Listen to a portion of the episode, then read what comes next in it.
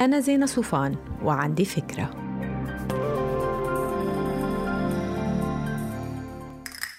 هاي بعرف إنه في كتير ناس جمعوا ثرواتهم بالاحتيال وناس ورثوا وعاشوا ليبددوا الثروة اللي تركوها أهلهم. بس بحب لكم إنه في كتير ناس عملوا ثرواتهم بالعمل الجاد واستخدموا هاي الثروات لجعل العالم مكان أفضل.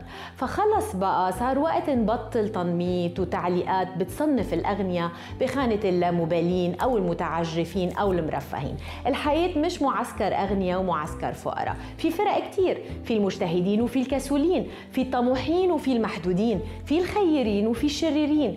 المال ما بينقلك من خانة لخانة والثروة ما بتحول الكسول لمجتهد ولا المجتهد لكسول. واللي من جوا نضيفه معه مال بيعمل خير أكتر كل ما صار أغنى.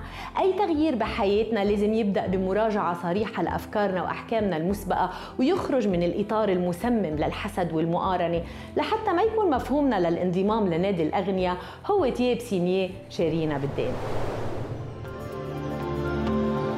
ما تنسوا تعملوا download للفكرة تعطوها rating وتساعدوني بنشرها. Bye.